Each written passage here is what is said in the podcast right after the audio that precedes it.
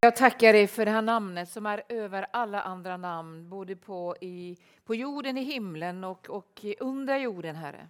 Det står att en dag så ska alla bekänna det här namnet, vart vi än befinner oss. Och vi ska bekänna det till ära för Gud Fader i himlen, att du Jesus Kristus är Herren. Och jag tackar dig att jag redan här på jorden har fått nåden att bekänna dig. Jag behöver inte tvingas en gång, men tack att jag av fri vilja fick följa dig. Och jag tackar dig för denna gränslösa nåd, att den dagen du kallade mig Herre, så sa jag ja och inte nej. Och det är jag evigt tacksam för. Och tack att du är närvarande i det här mötet och tack att du kan komma och överraska oss allihopa i Jesu namn. Amen. Vad roligt att få vara i Lugnås igen. Och jag måste väl med handen på hjärtat säga att jag minns inte exakt eh, när jag var senast. Jag vet att jag började komma hit i början på 90-talet och då var Vilgot Svedman pastor, det minns jag. Och jag bodde hemma hos Ulla som jag ser i mötet här. Och då levde ju även din make. Sen har jag träffat dig lite sådär och eh, det var väldigt kul att få vara här. Jag har ett väldigt speciellt minne från Lugnås och det var när vi hade tältmöten. Och då var det så här att eh, förmiddagsgudstjänsten den skulle, den skulle spelas via radion. Och eh, jag hade fått en tid när jag skulle predika och sen var det så här att efter vi hade haft vår förmiddagsgudstjänst så skulle vi gå över till någon park någonstans här och ha en midsommargudstjänst tillsammans med Svenska kyrkan. Jag vet inte om ni minns detta. Men jag minns det. För det var det så här att när jag har fått liksom predikat mina, mina minuter där så jag predikan skulle ta, så får jag liksom en lapp lite instucken här. Eh, och så står det så här att eh, du måste tala tio minuter till för att vi har tagit fel på tiden.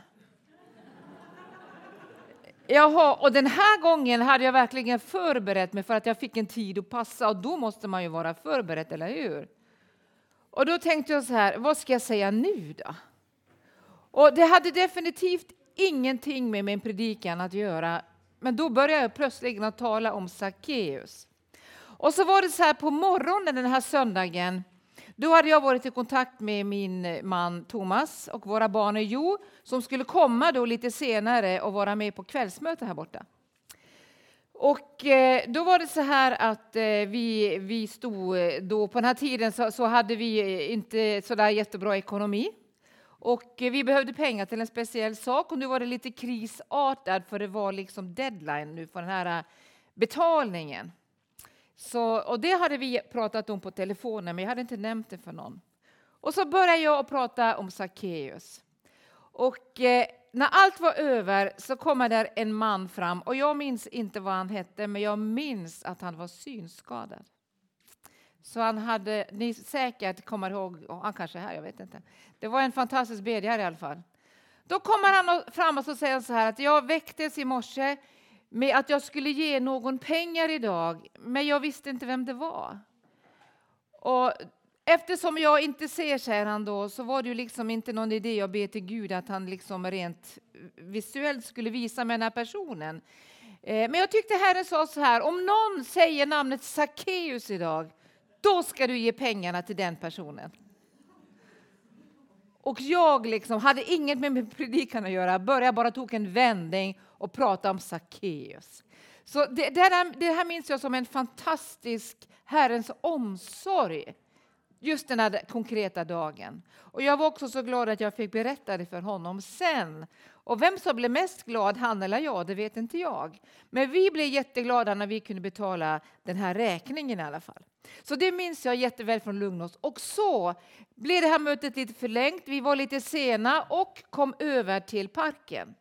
Och då hade jag fått besked om att jag skulle eh, ha, bara vittna lite där borta. Och då stod kyrkoherden och tog emot mig där vid ingången. Det var, det var någon eh, hembygdsgård eller park eller någonting sånt. Det finns där va? Ja. Då stod han och tog emot mig, hälsade i hand och så sa han, jag utgår ifrån att du predikar från dagens text. Oj! Och jag vill ju inte visa honom då att det här äh, var jag inte förberedd på. Ja, men självklart, sa jag. Det är klart att jag predikar från dagens text. Och jag tänkte, jaha, jag ska predika här.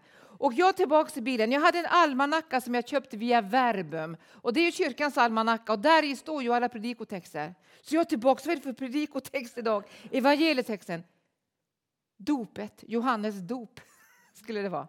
Så där skulle vi då predika. Jag kom härifrån Pingstkyrkan och vi skulle vara tillsammans med Svenska kyrkan och jag skulle predika om dopet. Och jag kommer så väl ihåg den här söndagen när jag bara satt där och jag bara hör Guds röst sa Rigmor, lägg ner all teologi. Lägg bort allt vad du, vad, vad du tycker och menar och anser. Vittna om hur du själv såg dopet. Vittna bara, berätta bara hur du själv upplevde att du skulle döpas. Och så går jag bara mitt vittnesbörd, alla taggar lades ner och vi hade ett fantastiskt möte och enorma goda samtal, inte minst med kyrkoherden.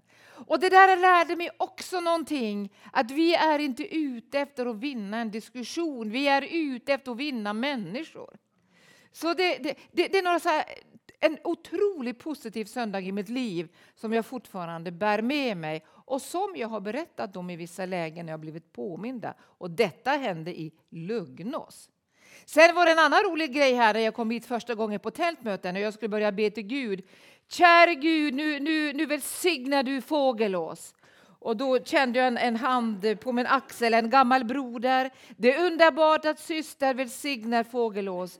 Men Gud, visa henne att hon är i Lugnås. ja. Så det är också ett minne ifrån, härifrån. Det är inte så lätt att veta vart man är när man vaknar. Eh, så eh, nu, nu är jag i alla fall här. Eh, vet ni vad? Att jag tror att jag har landat lite tryggt. Det är så här att jag, jag har varit lite upptagen ett, ett tag i mitt eget liv eh, med det här att det inte fastnar. Eh, du vet, det är otroligt lätt att fastna i gamla hjulspår. Eh, och, och, det, och, och, där är en mening som jag har väldigt svårt att tolerera.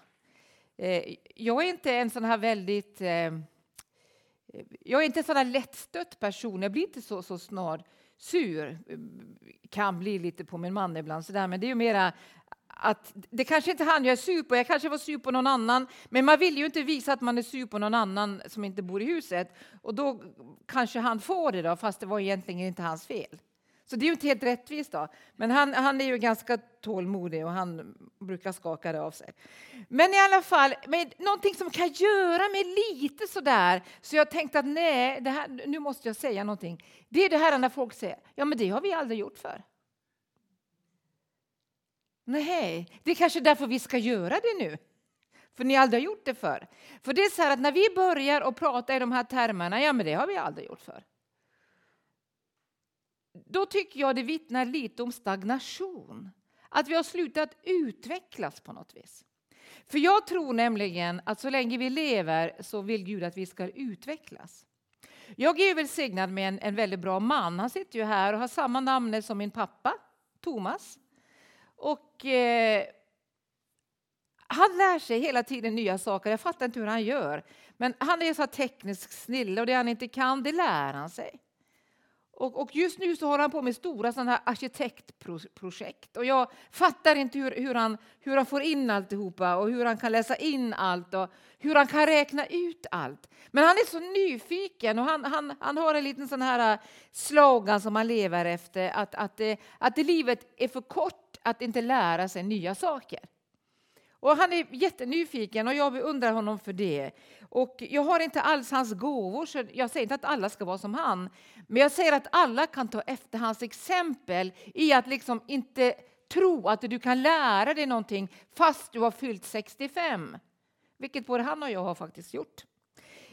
Så det är lite av det jag vill dela med här idag. Att, det, att det, ni ska se framåt. Så lite om en rubrik idag. Det kanske kunde sammanfattas i, i några meningar. Ge inte upp och se framåt.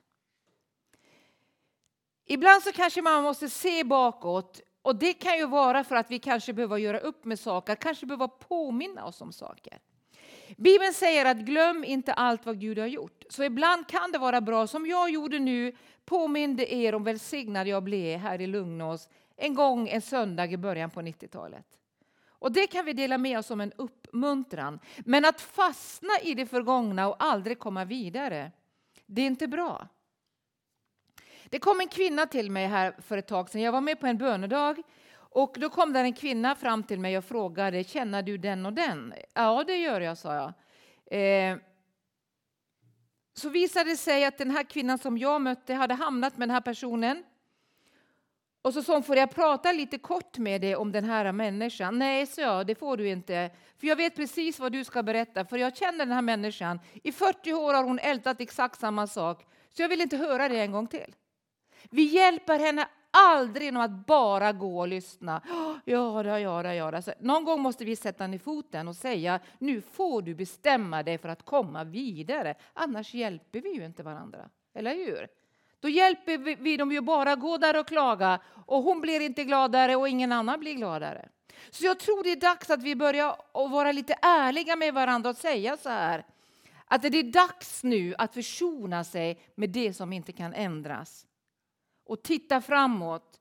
Ta det du har gått igenom, investera det i din framtid och lär dig någonting av det. Mamma citerade väldigt ofta grämelsebor i Doras hjärtan. Och jag tror att det är sant.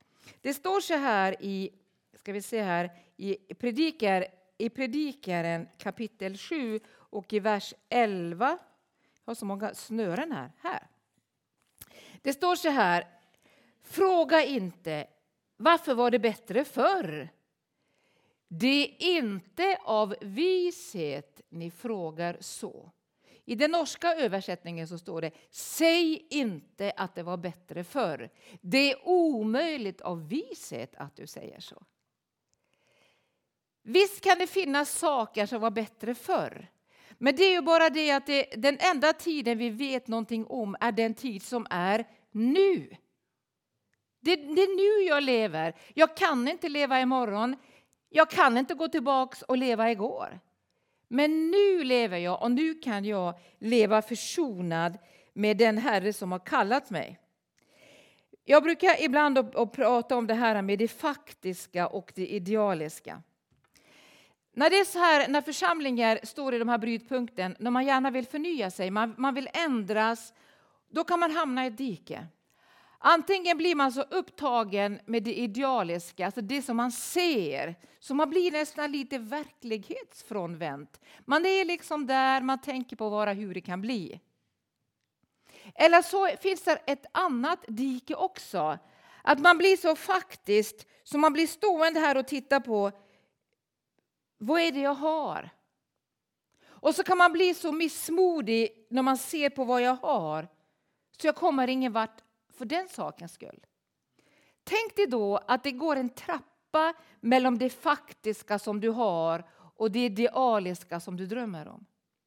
Jag tänker på församlingar. Jag har ju rest nu i nästan 50 år. 48 år har jag rest och träffat massa olika församlingar. Och då, där är alltid de här, de här brottningarna i våra församlingar. Och då tänker jag så här att, att få hjälpa dem att se att man behöver inte ta bort allt. Och man behöver liksom inte att bara leva där. Man kan ta ett steg i taget. Och det gäller inte bara församlingar, det gäller också i våra privata liv. Att man liksom får vandra i den här eh, trappan eller stegen. Och det som underbart, jag tar trappan för det är lättare att gå i en trappa än på en stege. Så vi tar trappan. Då är det så underbart tänker jag med trappan, att om jag gjorde fel, det här blir lite fel, då är det så lätt att ta ett steg tillbaks. Och så kan jag erkänna det här och så hjälper vi oss att gå vidare. För det är nämligen så här, om vi tänker på framtiden så tillhör ju framtiden dom som förbereder sig för framtiden. Att vi kommer förberedda. Hur kan jag förbereda mig för framtiden? Min farmor hade en fantastiskt bra eh, vad ska jag kalla det för, levnadsregel. Du ska leva nära Jesus varenda ny dag du får, sa hon. Då är du alltid förberedd för att möta framtiden. Om du lever med Jesus idag, säger hon, då är du förberedd för att möta morgondagen. Och när du får morgondagen, då lever du med Jesus den dagen och då är du förberedd för att möta nästa dag. Så det är den här trappan. Oroa dig inte för imorgon, sa hon också väldigt ofta. Varför ska vi inte oroa oss för imorgon? Nej, sa alltid min farmor, för Gud han är redan där. Han finns i din framtid. Och hon citerade så ofta Hebreerbrevet 13 och 8 som du kan utan tills. Jesus Kristus är igår, idag, till evig tid densamme. Så det är ju inte det att, att vi förnyar oss och går mot en framtid med en annan Kristus. Det är inte det. Det, det, det, det är inte liksom Kristusbilden, ja den kanske behöver förnyas den också. För ibland så har vi inte helt rätta gudsbilder. Ibland så kanske du föreställer dig att Gud är bara en sträng och straffande Gud som vill att du ska gå runt och lida i all evighet. Men det är han inte. Gud han är den som vill lyfta dig ur det där som du tycker är så svårt. När vi har citerat ibland eh, den här ifrån Matteus eh, kapitel eh, 11 och 28 där det står när Jesus säger kom till mig alla ni som bär på tunga bördor så tror jag väldigt ofta att vi tänker fel. Jag vet att jag predikade om det på Nyhem en gång. Jag tror att vi kanske tänker så här att det, om Jesus kommer så, så stoppar han mig ner mig i sängen, han stryker mig på kinden och han syng, sjunger en vaggsång eller någonting sånt där. Jag vet inte hur vi föreställer oss det. Men jag tror det är så här att när Jesus kommer, när han säger så här, kom till mig med dina bördor, så okas du ihop med honom. För det står att det här är ett ok. Vet du hur ett ok är? Är du så gammal eller har du sett en bild? Då okar man ju ihop sig, eller hur? Och då säger Jesus, oka ihop det med mig. Och då är det inte så, Jesus lägger sig inte i sängen där och, och ligger som sjunger resten av sitt liv. Han säger så här, kom på banan, om du kommer till mig, oka ihop dig med mig, så ska du och jag få vandra framåt här nu. Jag ska få ur dig ur det här dödläget och så ska jag gå med dig och så ska jag visa dig en bättre väg. Kom till mig. Och jag tänker många gånger på de här texterna som vi citerar om och om igen. Vi kan dem utantill, men tänker vi på vad de betyder? För jag tror nämligen att problemet är så ofta att vi vill inte komma. Vi citerar verserna, men vi kommer inte. Vi kommer inte med bördorna, vi kommer inte, vi vill vara kvar där för här vet vi åtminstone hur det är. Vem vet hur det ska gå om jag kommer åka ihop med, med Gud och går ut på vandring med honom? Vet ni vad? Då kan vad som helst hända. Det är då det blir spännande att leva. Tänk vad jag älskar Bamse när han säger i Bamse, en av gamla Bamse-tidningar för 20 år sedan, eller 30 kanske det var när jag läste Bamse för våra barn. Vår yngste son är ju 34 nu, så det kanske var ett tag sedan. Men när Bamse säger att, att det är så spännande att leva, sa Bamse, för då får man se hur det går. Visst är det lite spännande mitt i allt? Oroa dig inte för morgon. En annan fråga som väldigt ofta ställs i Bibeln, det är inte i första hand vilken utbildning har du? Vad har du för meriter? Vad har du för CV? Nej, den frågan står inte i Bibeln, men ofta får man frågan i Bibeln, vad ser du? Vad ser du? Ser du bara elände? Ser du bara misär? Ser du bara liksom, det blir inte bättre än som så? Eller kan du se att din framtidsdag är ljus och lång? Kan du se att den som går med Jesus, även om han skulle få gå och vandra i dödsskuggans dal, går hela tiden mot någonting som är bättre? Jag kan inte säga att vi aldrig får släppa krig. Vi vet inte det. Idag är det 77 år sedan då man firade friden i Norge, eller freden efter andra världskriget. Den dagen var min faster 20 år. Hon dog förra året. Men hon, hann, hon var 95 när Norge firade 75-årsjubileum i, i ett fredligt land med fred. Och jag vet inte det, men hennes vittnesbörd på 95-årsdagen när radion intervjuade henne, det var det här. Äh, hon vittnade om friden som följde dem under krigsockupationen därför att de hade en mor, min farmor alltså, som bad till Gud och som visade dem att det freden, eller friden, var inte beroende på omständigheter men på att Gud fanns i ditt liv. Och jag vet inte hur det går med Europa, jag har ingen aning. Vi som läser Bibeln vet att det ska hända saker innan Jesus kommer. Men en sak vet jag, vad ser du? Ser du bara allt det här som kan hända och som, som, som, som liksom verkar så, så, så, så mörkt i horisonten? Eller kan du lyfta blicken och se att Gud kommer alltid att vara med oss? Kan du se att Gud går med oss? Jag är ingen, jag är ingen modig människa, jag är ganska feg. Men jag börjar och be till Gud väldigt aktivt. Herre, låt mig alltid få se att du finns mitt i allt. Jag vet inte när jag skrev det, men jag skrev en gång i min bibel för många år sedan att en gumma på knä ser längre än en teolog på tå. Jag har läst teologi. Jag har läst i fyra och ett halvt år. Jag, tillsammans har jag läst i sex år och två månader om jag ska räkna ihop allt. Men det har aldrig, aldrig, aldrig, aldrig någonsin fått mig att se vad jag ser när jag är inför Gud i bön och bibelläsning. Och det är där vi måste finnas även i framtiden. Fråga det inte hur kommer det sig att det var bättre för. Sluta fråga det. Konstatera hur det var för. Försona dig med det och så går du vidare. I Hebreerbrevet kapitel 11 där har man ju fått det här vittnesbördet om trons hjältar. I slutet på Hebreerbrevet 11 så står det också om människor som vi väldigt sällan talar om, men de står med i troskapitlet. Och det var människor som faktiskt fick uppleva väldigt mycket lidande. De står, I början på, på Hebreerbrevet 11 får vi läsa om de här som också gick igenom väldigt mycket lidande men som kom igenom till en väldig seger och fick uppleva så mycket positivt när de väl tog sig igenom. Men i slutet av Hebreerbrevet 11 så står det även om dem som, var, som, som, som, som eh, inte fick uppleva detta. De blev till och med martyrer. Men de såg någonting i fjärran och så gick de ditåt. Och jag tänker så här när jag läser Hebreerbrevet 11, vilket jag själv har levt i väldigt, väldigt länge så blir jag alltid, alltid, alltid lika förvånad och lika upprymd när jag läser i vers 8 om Abraham i Hebreerbrevet 11 och 8 att han lydde, står det. Han lydde när han blev kallad att dra ut till ett land som han skulle få i arv och han gav sig iväg utan att veta vart han skulle komma. Han hade ingen blekaste aning. Gud sa inte det till honom idag. Vi åkte efter GPS idag, inte för att vi inte skulle hitta till Lugnås, men vi var inte för säkerhets skull. Vet. Jag menar, senast jag var här så bad jag att jag var i Fågelås. Så vi tänkte att vi får väl sätta på GPSen. Och ändå höll vi på, höll vi på att köra förbi skylten vid Mariestad och dra lite längre norrut.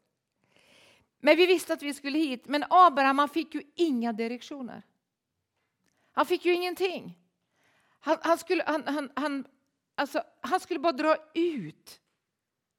Och det står att han, han gjorde det i lydnad. Han gav sig iväg utan att veta vart han skulle komma. Och det är så här kära vänner, om vi vill förändra någonting både i oss själva, i vår omgivning, i vår församling eller vad vi nu, på arbete eller vad det är, så är det så att ibland får vi ta det där steget fast vi inte ser hela vägen. Det kallas för att gå i tro. När man läser hur Gud skapade världen, i morse så läste jag och Thomas bland annat ifrån Ordspråksboken kapitel 8, hur det var i början liksom, när, när, när världen skapades. Så står det så här i Hebreerbrevet, i början här på Hebreerbrevet 11, så står det att det, tron är en övertygelse om det man hoppas på, en visshet om ting som man inte ser. Och då måste jag fråga er en sak. Att man inte ser en sak, att en sak är osynlig, är det detsamma som att det inte finns? Nej, det är ju inte det. Det är ju inte det. Det står att Gud skapade av det osynliga. I hans värld fanns det. Det står om jorden att den är en skuggbild av verkligheten. Hur är himlen? Jag vet inte. Kanske den är som jorden i ej nedbländad skick. Alltså, jorden är ju gudomlig vacker, men den är också så präglad av allt detta den har gått igenom. Har ni då tänkt på hur det blir den dagen när allt återskapas och allt blir nytt? Kan ni tänka på Alltså all, allt det här äh, fantastiska. Det var en liten tjej här uppe vid Örebrotrakten eh, som, som dog. Hon var, hon var ganska liten, hon var bara 12 år när hon dog. Hon dog i cancer. Och när hon skulle försöka beskriva himlen och så säger hon så här att det, hon hade sett någonting, att det blåbären var så mycket mera blåbäriga. Och hallonen var så mycket mera hallonliga. Hon kunde inte beskriva någonting hon såg. Hon skulle försöka beskriva innan hon gick in i evigheten. Och då tänker jag så här, om vi återgår nu då till oss, vi som är på jorden, om vi återgår till lugn och så ni som är här idag. Det kan ju finnas någonting i, för er som inte än är uppenbarad. Men det är ju inte detsamma som att det inte finns. Du ska bara leta reda på det. Du ska ta reda på det. Om jag har tappat bort mina nycklar så vet jag de är osynliga för mig nu. Jag ser dem inte, men jag vet att de finns. Leta. Du kanske ber för dina barn, du kanske ber för din situation, du ber för din församling, du ber för framtiden, du ber för massa olika saker. Och så kommer fruktan in och det du ser ibland det är fruktan. Du säger nej, det blir inte bättre än som så här. Den tanken måste du få ut. Och så ska du tänka Guds tankar. Han som har en framtid för dina bönämnen. Han som har en framtid för dig. Han som har en framtid för Lugnos. Han som har en framtid för församlingen. Han som har någonting som är förberett som du ska få vandra i. Och som du ska få vara med och se gå i fullbordan. Var inte bekymrade för era liv, står det i Matteus 6 och 25. Också sådana här ord som vi predikar så väldigt många gånger men som vi också väldigt, väldigt många gånger inte tänker på vad det egentligen är. Det är så lätt att citera en bibelvers och det är så lätt att låta bli att inte leva efter den. Det är precis lika lätt. I Matteus kapitel 6 och 25, det är det här berömda eh, eh, kapitlet, du vet, där vi har den här otroligt berömda versen i vers 33 att det sök först Guds rike. Hur ofta har vi inte citerat den versen? Och då kommer ju frågan, men gör jag det då? Så ska du få allt det där andra. Vet ni vad, jag ska berätta en grej för er. Att nu mer och mer så är inte jag och min man så upptagna längre med att be för jag, mig och mitt. Det är inte det att, inte, att inte vi gör det. Men vi har, vi, har, vi har gjort en upptäckt att när vi höjer blicken och börjar söka Guds rike, liksom. vi söker Guds rike för världen, vi söker Guds rike för människor. Vi söker att, att, att Guds rike, att hans vilja ska få ske i de här bedrövliga situationerna i Europa. Herre, vi ber, kom ditt rike. Så har vi tittat i backspegeln de här åren vi har hållit på, att vi har inte fattat någonting. Det är som om Gud har ett behag i när vi vänder oss till honom och börjar be hans böner utifrån hans tankar. Herre, jag söker dig och ditt rike. Och vad säger Romarbrevet att Guds rike består av? Jo, det består av rättfärdighet, frid och glädje i den helige Ande. Och är det någonting vi behöver mer än någonting annat i hela världen så är det rättfärdighet och frid och glädje. För har du det i själen, då lyfter det då lyfter det. Då lyfter det. Var inte bekymrad för era liv eller för er kropp. Ta inte hänsyn till det som du brydde dig om innan du drog ut. Abraham drog ut ifrån det han, det han var i. Han hörde Guds röst och han drog. Och när Abraham drog ut så kom han in i Guds rike. Och i Guds rike var det andra lager. Det var andra regler. Det var ett annat sätt att tänka, ett annat sätt att leva, ett annat sätt att agera. Och Abraham han drog ut. Och jag tror att Jesus försöker säga till judarna som lyssnade på honom att när ni har dragit ut, när ni lyfter blicken och ser på Israels Gud och slutar bekymra er så jättemycket så kommer ni att få se att Israels Gud som skapade himmel och jord, som skapade allt innan han satte människan in. Den dagen Gud skapade människan hade han gjort i ordning allt för henne som hon behövde för att leva som människa på jorden.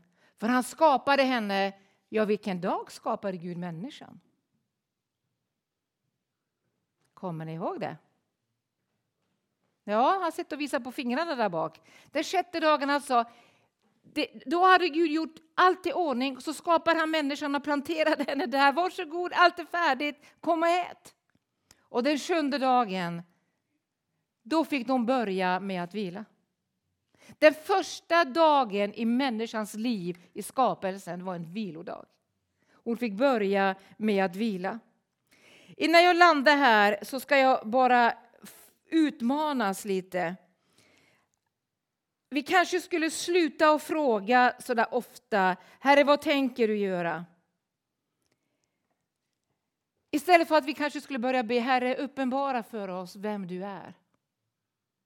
För när vi får en, en bild av vem Jesus är, det är då vi vågar ta de här trostegen.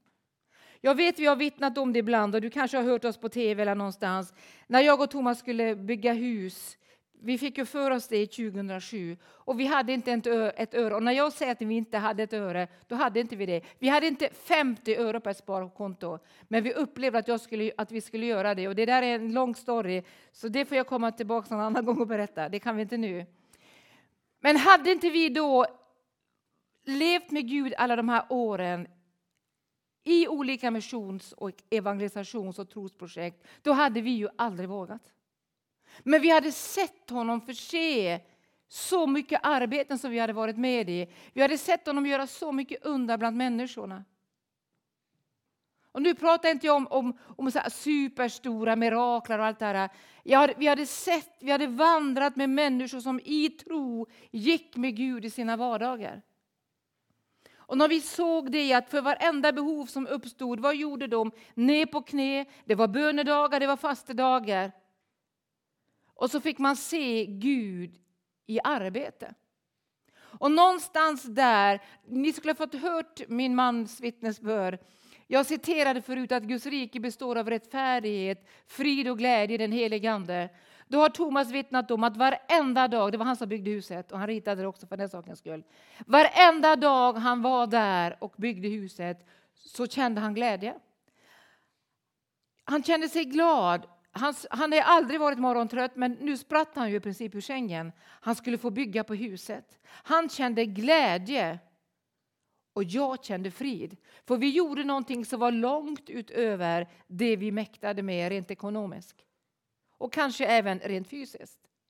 Och ändå kände vi dessa två frid och glädje. Jag säger inte att ni ska göra som oss. Jag säger bara att du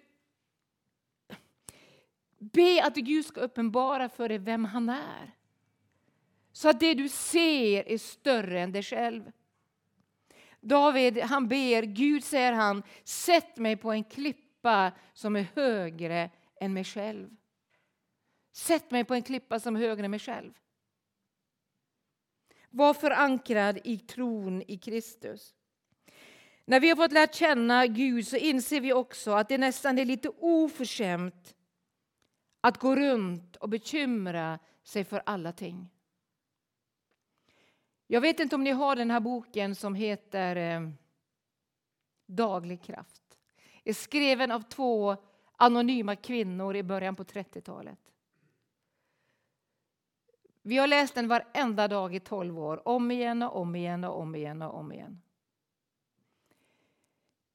Två gamla fröknar i England, pensionerade, båda hade cancer. Ett år gör de ett experiment. De hade upplevt att Gud talade till dem. De avsätter ett år där de varenda dag skulle bemöda sig om att söka Gud, höra hans röst. Den ena hörde knappast ingenting, den andra hörde väldigt mycket. Hon som inte hörde så mycket, hon skrev vad den andra upplevde. Men båda två upplevde att de gjorde en tjänst inför Gud. Och besinna nu, det, detta är alltså på 30-talet. Där är en ekonomisk kris i världen som kanske man aldrig hade skådat innan. Det var depression på grund av allt detta också. Andra världskriget, man börjar ana att det här det var i mellankrigstiden och det var hemska förhållanden. Men de här lyssnar in Guds röst. Och i ett sånt här, när de sitter här och ska lyssna, vad säger du idag Herre?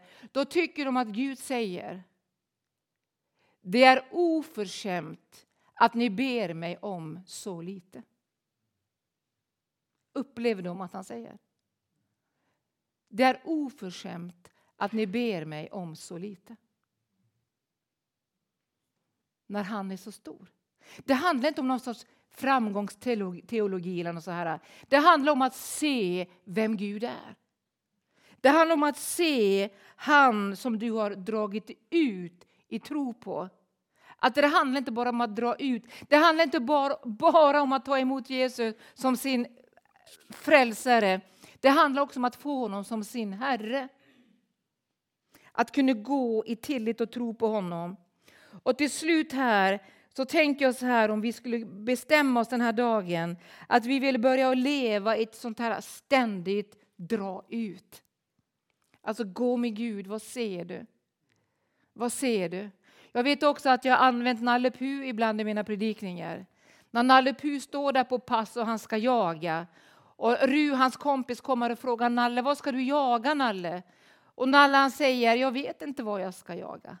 Och då säger han, men du kan ju inte stå på pass om du inte vet vad du ska jaga, säger du till Nalle. Och vad svarar Nalle? Ja, säger, säger Nalle, när jag ser det, då vet jag. Att dra ut, Herre, vem vill du använda mig för den här dagen?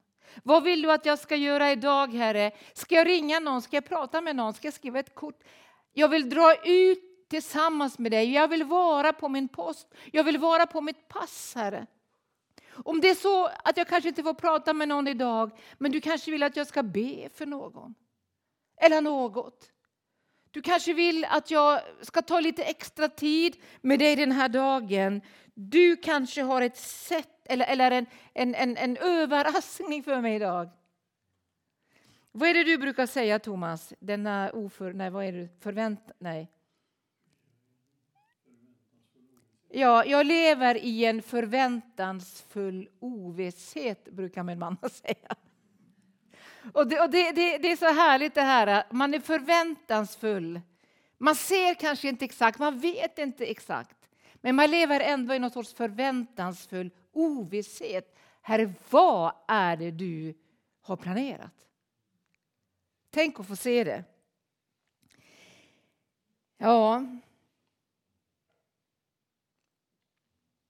Jag tror att vi behöver dra ut ifrån mycket av det vi har lärt oss. Ifrån både dogmer och doktriner och trosläror och gamla tankemönster, ifrån argument för och emot. Och ifrån gamla hjulspår och, och, och mycket annat också.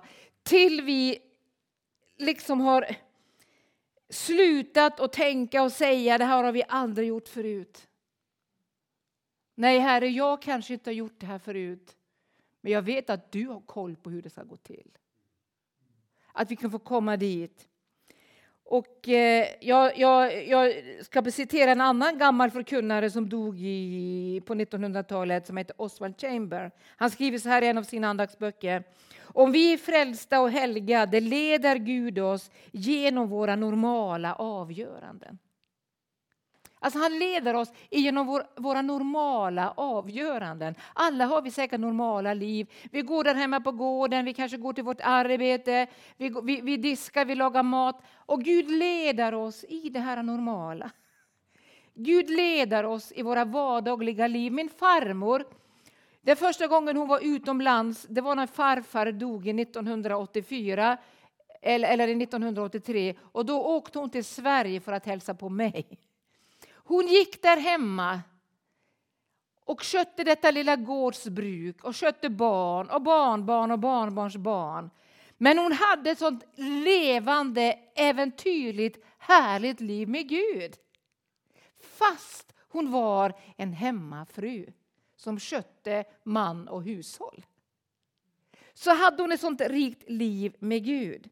Och jag tror ibland så behöver vi stanna upp och känna det här att ja, men Gud leder oss i våra normala omständigheter. Han, lever, han leder oss också genom tankar han lägger här. Gud vill, alltså han vägleder, jag tror att Gud vägleder vårt förnuft. Jag tror vi går och tänker på, och Gud uppenbara det för mig, skriv på väggen, kom med ett ljus, tala ljus, så säger Herren. Men väldigt sällan så gör han det. Men han kan komma med en tanke. Han kan komma med en idé. Han kan komma med någonting hur du ska lösa ett praktiskt problem. Gör så här så fixar, så startar motorn. Gud är med i det vardagliga, han är med i det praktiska.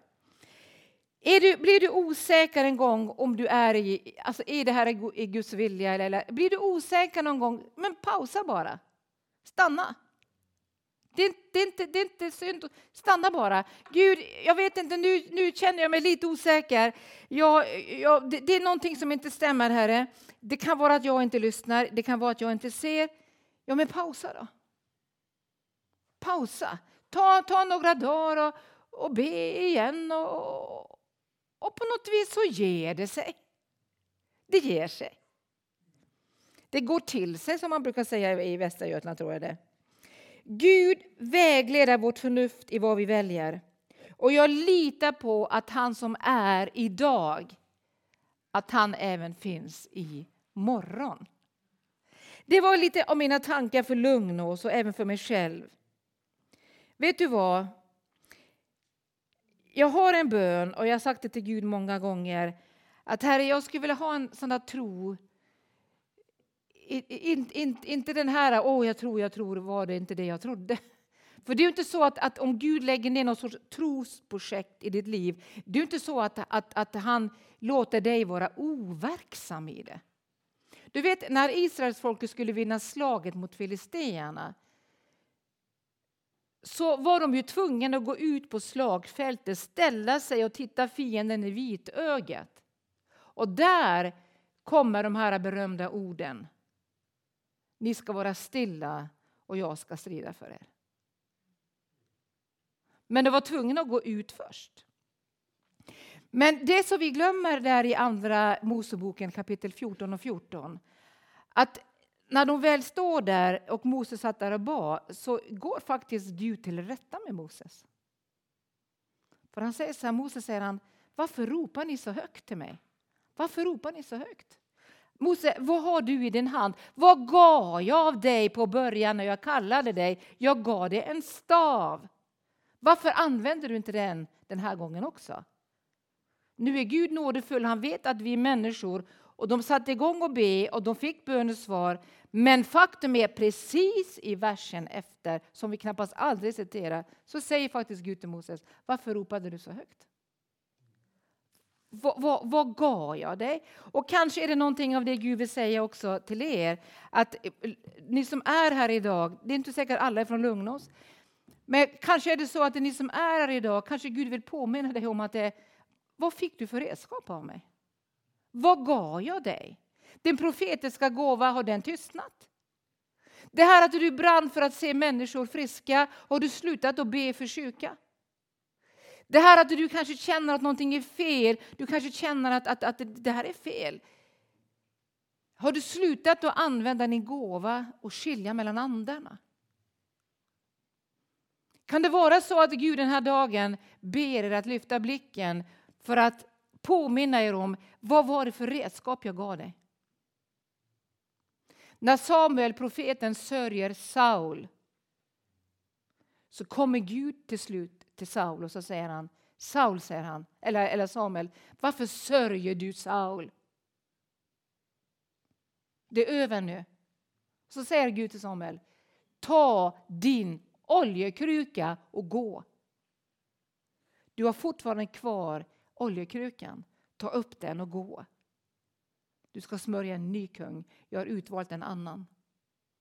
Och ibland tror jag att Gud påminner oss om, och jag tror han gör det just nu, att den här församlingen och ni som är här, vi är utrustade med så mycket som bara ligger vilande. Och kanske är idag, den här dagen har kommit när du ska blåsa liv i din gåva.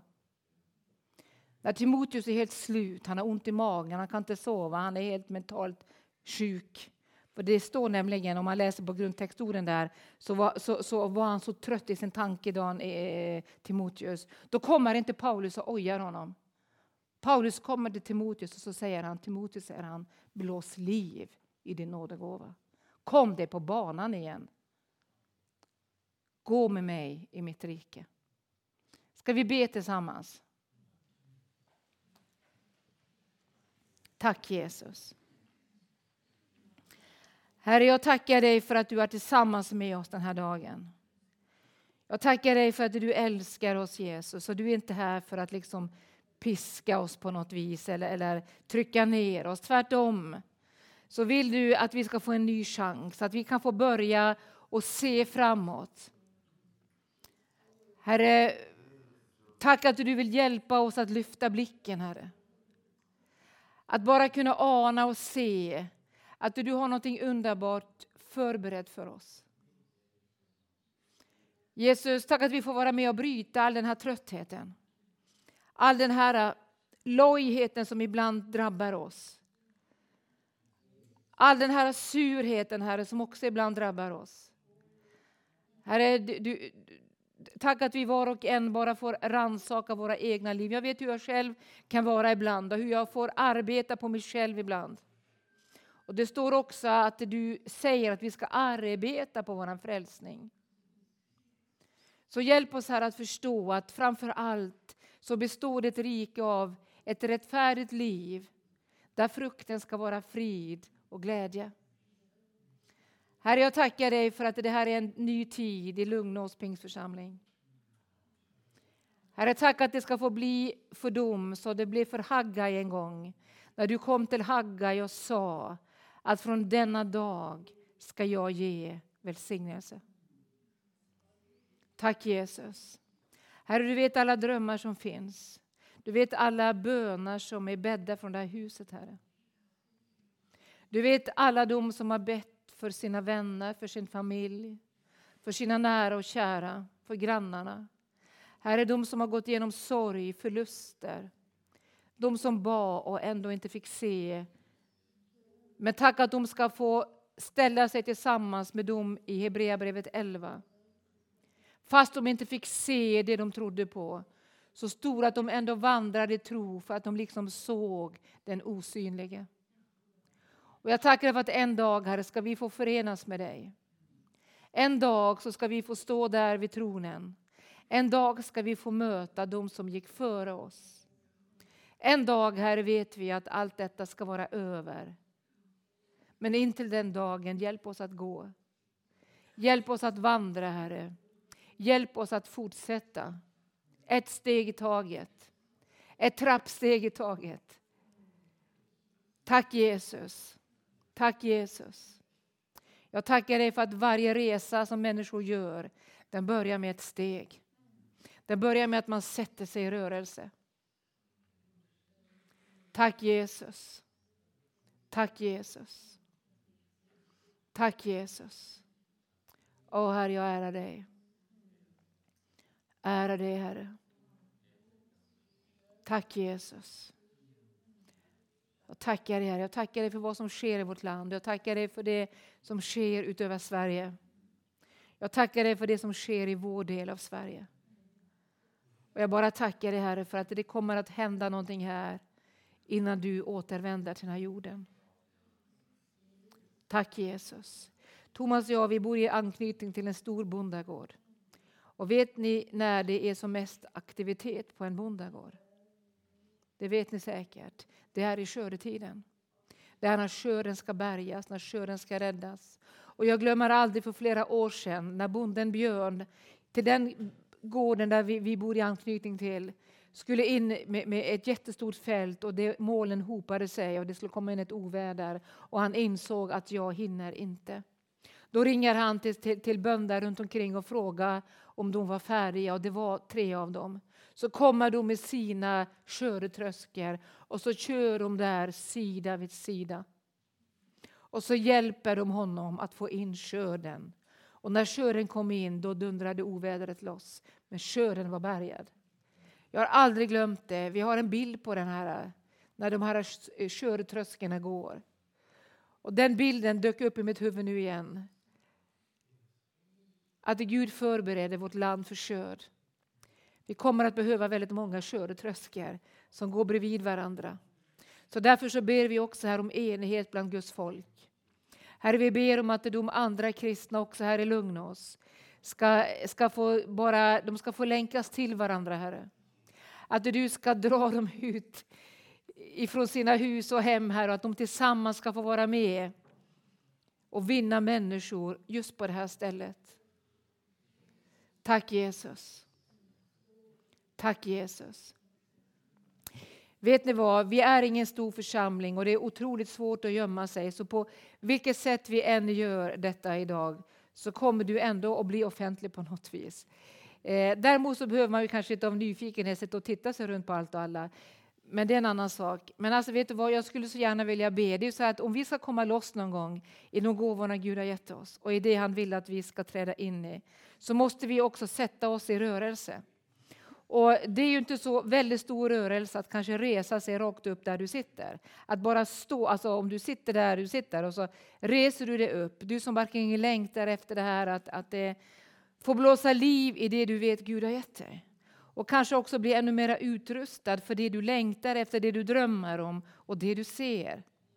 Och att du liksom bara som en proklamation inför hela andevärlden ställer dig upp och bara, bara som en bekännelse att jag vill vara på ditt lag, Herre. Här är jag, liksom. Använd mig. Så vill du ha förbön, så bara ställ dig rakt upp nu. Jag, jag gör ingen mer inbjudan än det här. Så tack Jesus. Tack Jesus. Tack Jesus. Tack Jesus. Att lyfta sina händer också i den bibliska världen. Ibland så kan det vara bra för oss att, att, att veta vad det betyder egentligen. När man lyfter händerna så är det också i respekt och vördnad för Gud. Man visar att man kommer tomhänt. Alltså jag, eh, eh, jag kommer tomhänt. Det är som de här gamla västernfilmerna när de flaggar du vet, och, och, och de liksom lyfter upp händerna för att visa att, att jag har lagt ner mina egna vapen. Jag, jag är avväpnad, jag bara kommer nu. Jag kommer för att söka frid. Och Det underbara är också att det står i Bibeln att Gud strider för oss med sin högra hand och han håller oss i vår högra hand. Han strider med sin högra hand, med sin vänstra hand håller han oss i vår hand. Och Det står också om jag än skulle falla håller han mig kvar. Så är det. Visst är det härligt? Så Herre, jag tackar dig nu att vi också bara får lyfta upp, inte bara våra hjärtan men också våra händer till dig Herre. Herre, vi vill bara bevisa inför hela andevärlden och även den synliga världen att vi ger oss här, vi lägger ner allt vårt eget och så söker vi dig Jesus. Vi söker din kraft, vi söker dina gåvor Herre. Vi söker din utrustning och vi bara vill säga som Paulus, jag vill säga och Paulus vägnar till Timoteus. Blås liv i din gåva. Blås liv i din gåva. Kom på banan igen, sluta gräma dig. Du har säkert, någon har säkert gjort dig illa och, och någon säkert gjorde så att du blev tyst. Men strunta i det från och med den här dagen och kom igång igen. Och bara tala ut och gör det Gud kallar dig att göra. Och använd dina konstnäriska gåvor, använd allt det Gud har gett dig. Använd dina praktiska gåvor. Och låt dem få samarbeta med Guds nådegåvor så kan du få bli en underbar människa till välsignelse i din vardag. Om du är på ett vanligt traditionellt arbete, om du är egen företagare, om du jobbar i skolan, i vården eller vad du nu än är. Om du går där hemma i ditt kök och träffar äldre vänner eller om du är i skolan eller vad du gör så bara samarbeta med Gud i allt vad du gör och så kan han använda dig på de mest fantastiska sätt som du kanske aldrig själv hade kunnat tänkt ut. Så Herre, kom med mycket glädje nu över den här församlingen. Herre, kom och blås lite glädje över dem, Herre. Låt dem få känna sig glada när de går härifrån idag. Låt dem få känna sig lite vederkvickta, Herre. Lite vackra vackra, lite söta, lite underbara, lite stiliga. Herre, låt dem bara få känna att det lyfter på insidan. Och trots krämpor och åldrande och allt vad vi går igenom, Herre, så låt oss bara få se när vi ser i spegelbilden idag, att vi får se ett underbart älskat Guds barn. Tack Jesus. Jag ärar dig för att du är nära oss. Ära dig av hela mitt hjärta, Herre att du är här och att du har öppnat hela ditt förrådskammare och vi kan bara komma och plocka ut tillsammans med dig och den helige Andes hjälp. Tack Jesus att vi ska få exakt storlek på hela, he, på, på hela gåvopaketet så det passar oss perfekt. Tack ska du ha Jesus. Jag ärar dig. Jag ärar dig. Jag tycker det står så underbart om kroppen i Bibeln att var och en fick så mycket kraft som den, kunde, som den behövde. Alltså. För det är så här att kroppen behöver olika kraft. Jag vet att det genomströmmar mycket mer blod genom mitt hjärta än vad det gör ut i mitt lillfinger. Och beroende på vart vi är i kroppen så står det att var och en får så mycket kraft som den behöver. Och så står det för att allt ska bli till nytta. Visst är det härligt? Det är ju så härligt så man vill ju nästan krama någon, eller? Har ni slutat att krama? Har ni börjat på igen att krama varandra? Ni behöver inte krama varandra. Men ni som bor ihop kanske kan krama varandra. Eller le lite mot varandra. Ni gör vad ni vill. Bara ni är glada. Bara ni är glada. Eh, är det någon som vill ha en speciell förbön? Eh, då, ni, då, måste ni ge till känna. Vi finns här. Vi hjälper gärna till att be eh, om det är någon som vill det. Eh, men jag känner att jag är färdig så här långt så jag lämnar ordet över till mötesledaren. Och jag tror att ni får sitta ner om ni vill. Ja, ni får gärna stå om ni vill också. Inte. Man blir så lycklig och varm i hjärtat att se